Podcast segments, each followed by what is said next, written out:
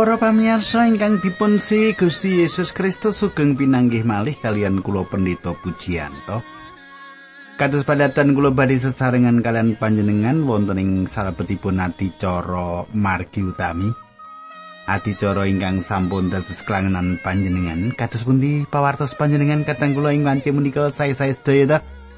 Inggih kula suwun panjenengan tansah pinayungan tining Gusti ingkang murbeng jaket. Nah kadang kula ingkang tresnani monggo panjenengan nyawisaken kitab suci menawi sampun saged nyawisaken kita badhe sinau sesarengan kayektosan kayektosan ingkang dipun pratelaken saking kitab suci sugeng midhangetaken adicara menika.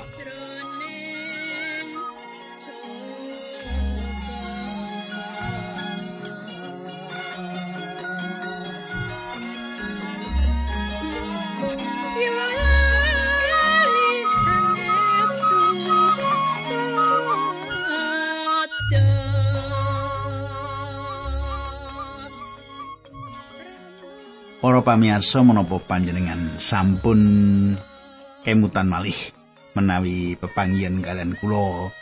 Kelingan eh dek gek wingi Pak Puji kae nyritakake mengkini menapa makaten panjenengan?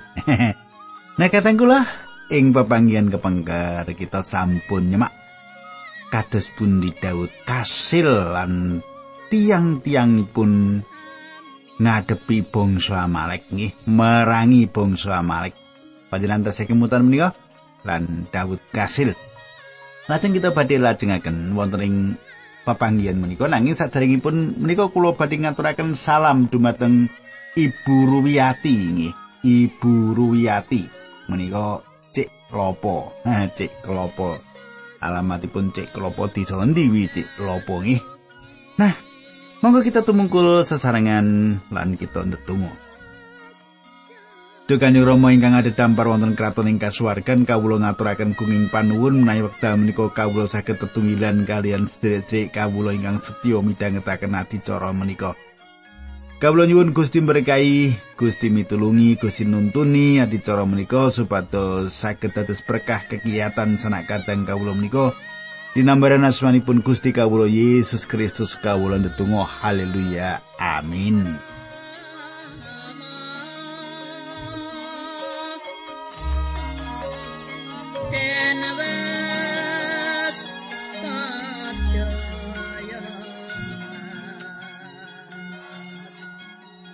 Para pamirsa samenika pasinaon kita sampun ngancik setunggal Samuel tigang dosa setunggal nggih. Tunggal Samuel, Tunggal Samuel. Bab tigang dosa setunggal kula waosaken ayat setunggal. Dek semono wong Filistin padha perang nglawan wong Israel ing Gunung Gilboa, akeh wong Israel sing padha mati, dene liyane anak-anake padha keplayu. Para pamirsa, ing salebetipun peperangan menika tiang Israel sampun dipun kawonaken wiwit-wiwitan. Ayat kali lan tiga. Setunggal Samuel tigang dosa setunggal ayat kali lan tiga. Nanging padha ditututi dening wong Filistin lan anak Esau sing dipateni telu, ya kuwi Yonatan, Abinadab lan Malkisua. Peperangan sang saya ngombro-ombro dene Saul dhewe kena panahing mungsuh nganti tatu-tatune ngegirisi. Kadang kula lelampahan menika satunggalipun wiwitan saking anggenipun Saul kawon.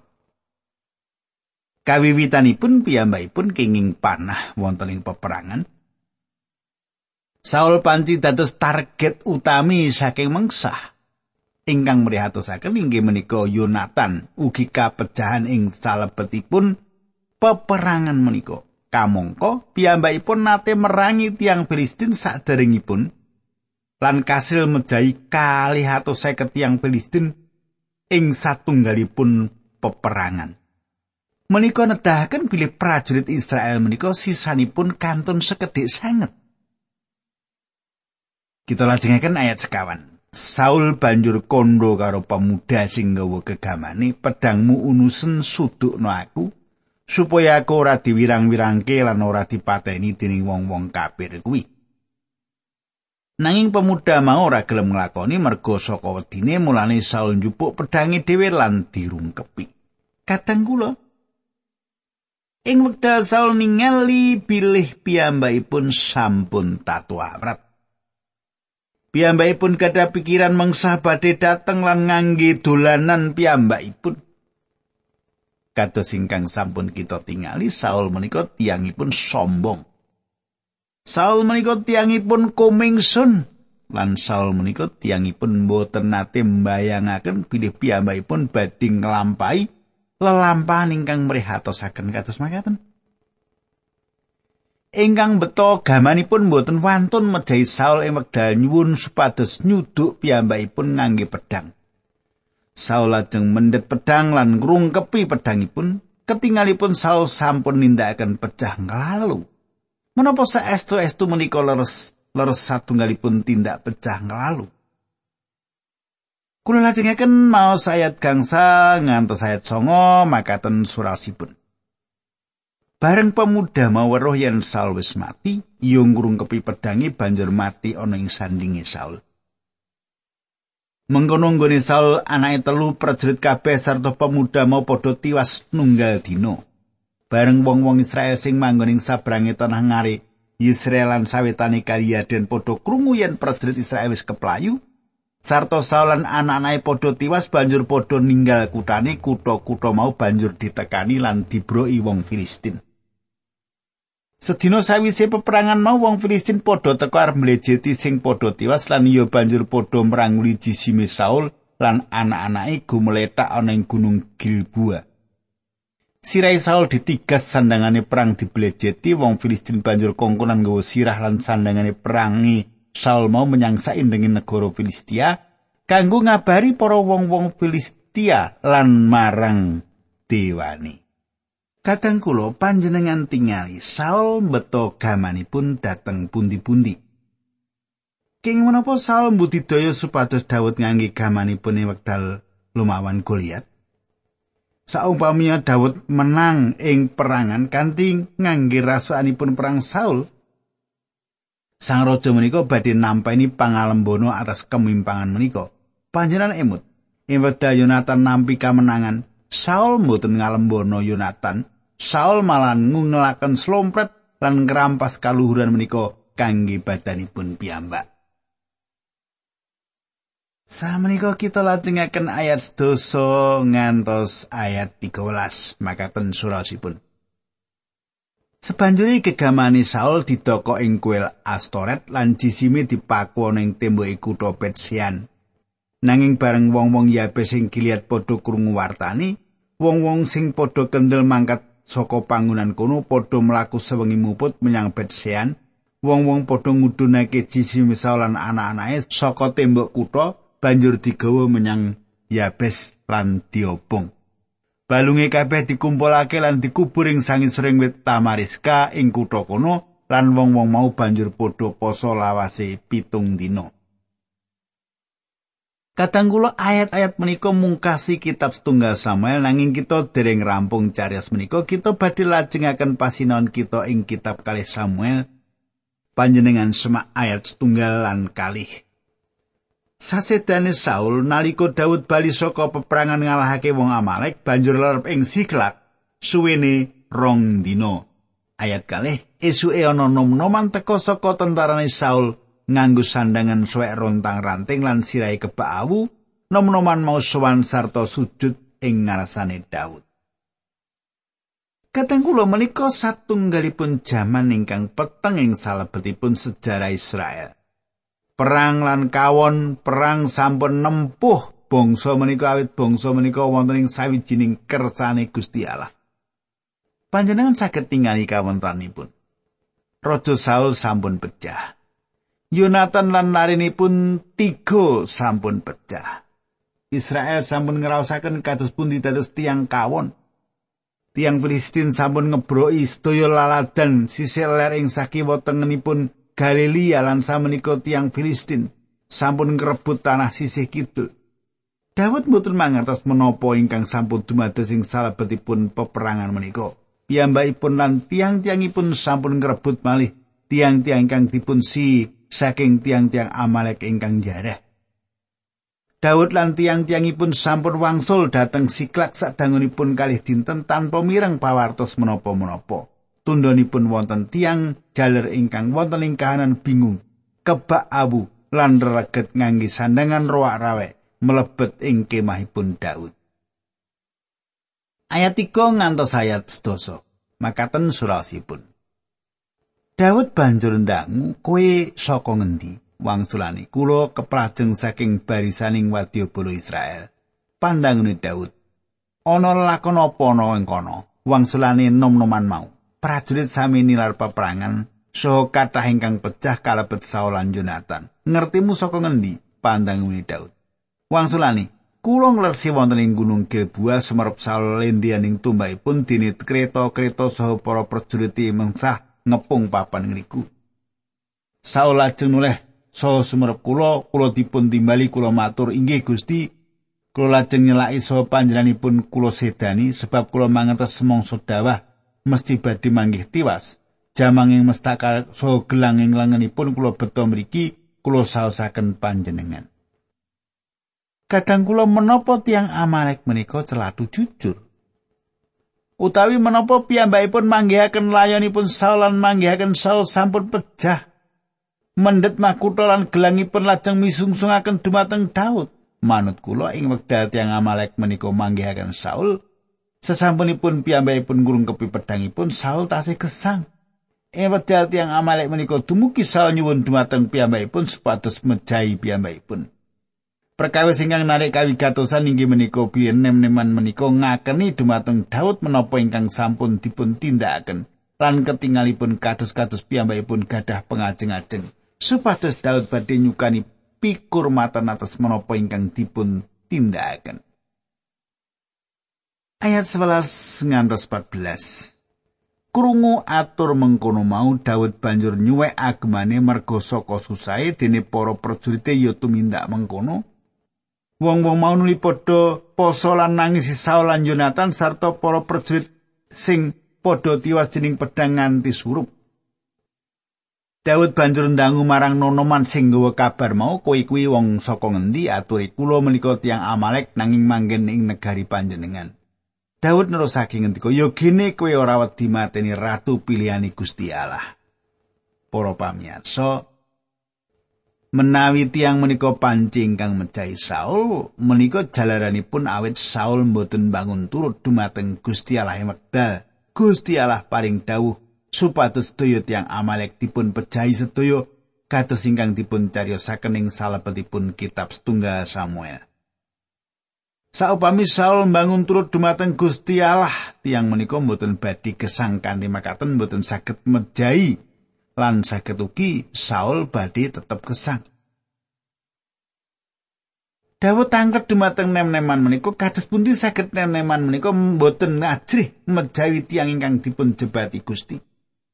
panjenenganipun Daud mboten badhe mejahi Saul sinaosa piyambakipun gadah wewengan. Saestu saya menawi kala-kala kita ningali saking pamirsanipun Gusti Allah. Sadangunipun Saul dados raja, Daud mboten purun menapa-menapaaken. Katang kula, wonten bebayanipun menawi kita nderek nyampuri pakaryanipun Gusti Allah.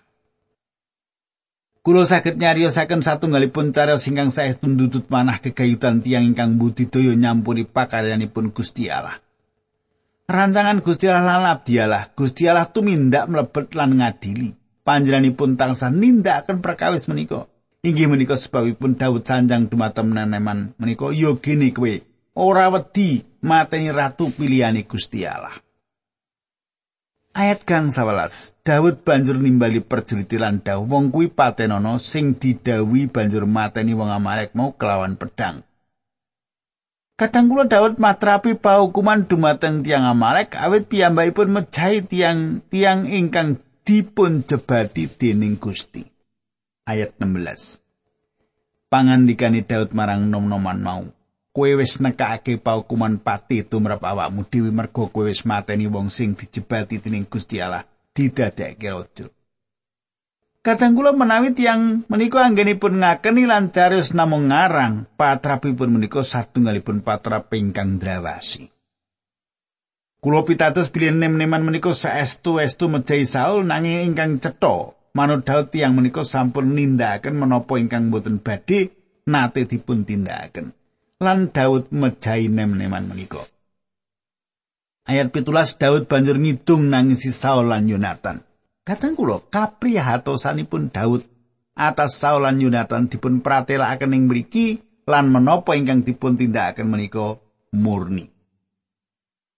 Ayat 18 lan dawuh supaya kitung mau diwulangake marang bangsa Yuda. Kitung mau katulis sing buku Yasar. Kadang kula Saul sampun mucalaken satunggalipun perkawis dumateng tiang Israel. Ing wekdal tiang Israel mboten gadah gaman kangge perang, Saul mucalaken tiang Israel supados dados tiang ingkang saged jemparing. Gendewa lan jemparingipun inggih menika gaman ingkang mejahi.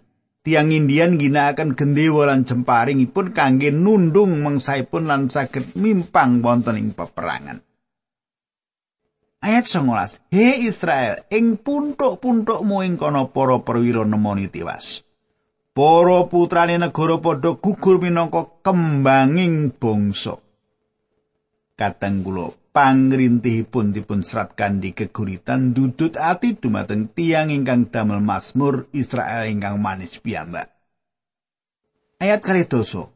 Muga-muga wong gat ora padha nampa pawarta kuwi. Lurunge Askelon ora padha krungu kabar iki, wong-wong wadon Filistia aja padha surak-surak perawan-perawan kabeh aja nganti padha giyak-giyak. Para pamirsa, Gat inggih menika ibu kotanipun Filistin. Askelon inggih menika margi Gaza lan salah setunggal saking gangsal kita Filistin. Ayat selikur ngantos rolikur. Duh punduk-punduk Gilbua.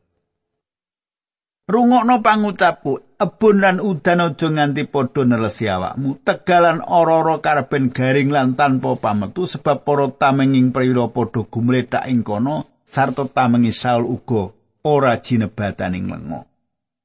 Gendewane Jonathan kang ampuh memateni pedang Saul kang ngegirisi mateni musuh niwasake satru. Kateng kula. Mboten wonten setunggal tiang kemawon ingkang sanjang pilih Saul utawi Jonathan menika tiang ingkang jireh. Mboten wonten. Ayat 3 Saul lan Jonathan padha sih sinisian lan meraati kang tangsa manunggal sajroning urip lan mati luwih rikat ngungkuli manuk garuda luwih kuat ngungkuli singa prakoso duh para wadon Israel tangi sono Saul sang raja sing nyandangi kowe kanthi sandangan adi kang jinggo kang maringi anggun-anggun sesotya kencana. Para pamirsa Saul sampun datengaken kalubiran ing tanah menika. Ayat selangkung. Padha tiwas para pahlawan ambruk ing papan peperangan sarta ing puntuk kang sepi Yonatan gumletak nemai pati.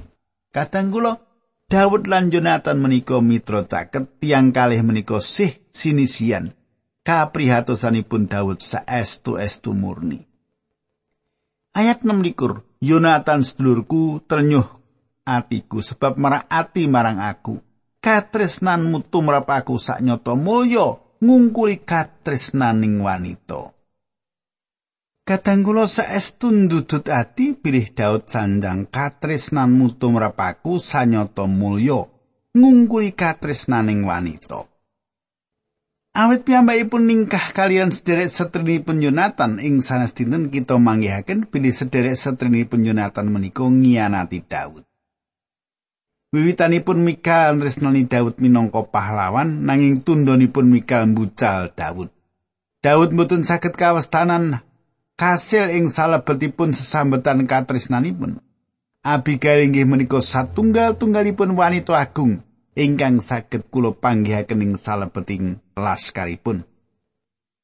Kula mboten sak pemanggihan kalian tiang-tiang ingkang gadah pikiran bilih Betseba menika tiang setri ingkang misuwur. Sinausa kegayutanipun Daud kalian Batseba satunggalipun dosa Daud sawetahipun lan Gusti Allah paring paukuman atas menapa ingkang dipun tindakaken. Kinging menapa Batseba mameraken badanipun kanthi makaten saged tingali saking hubungan griya kados makaten menika. Daud gadah perkawis kalian kaum wanita. Nanging piyambakipun saged sanjang bab Yonatan bilih piyambakipun inggih menika priyantun jaler sejatos lan setya dumateng piyambakipun ngantos pungkasaning pun gesang. Saestu perlu dipun katosaken lan dipun serat bilih para tiyangipun Daud tetep setya ing wekdal remen lan ing wekdal sisah. Piyambakipun gadah ganjaran kasukman ingkang dados jalaran tiang caket kalian piyambakipun. Daud inggih kados makaten menika. Kula lajengaken ayat 17. Wus padha tiwas para pahlawaning bangsa, gegamaning perangane sanyata tanpa guna. Kadang kula menika satunggalipun pangalembono ageng dumateng Yonatan secara mligi kasisan Daud atas pecahipun Saul lan Yonatan saestu nrenyohaken. Menika satunggalipun pangrintih ingkang kiat sanget ing salabetipun pangandikanipun Allah. Para pamirsa, kados pundi kelajenganipun perangan menika kita badhe nyemak ayat-ayat salajengipun saking kitab Samuel menika. Nanging boten samenika inggih menika wonten ing pepanggihan ingkang salajengipun. Awis saking menika binjing menawi kula sowan dumateng panjenengan malih kanthi adicara margi utami menika ampun ngantos panjenengan ora mirengaken nggih. Nah, kateng kula ingkang kula tresnani, Kita badhe tumungkul, kita badhe ndedonga sesarengan.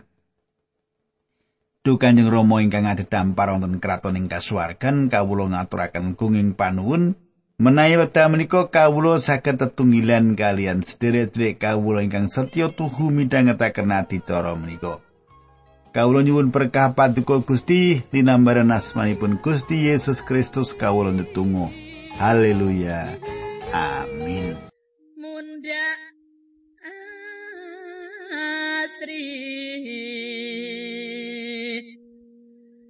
mangga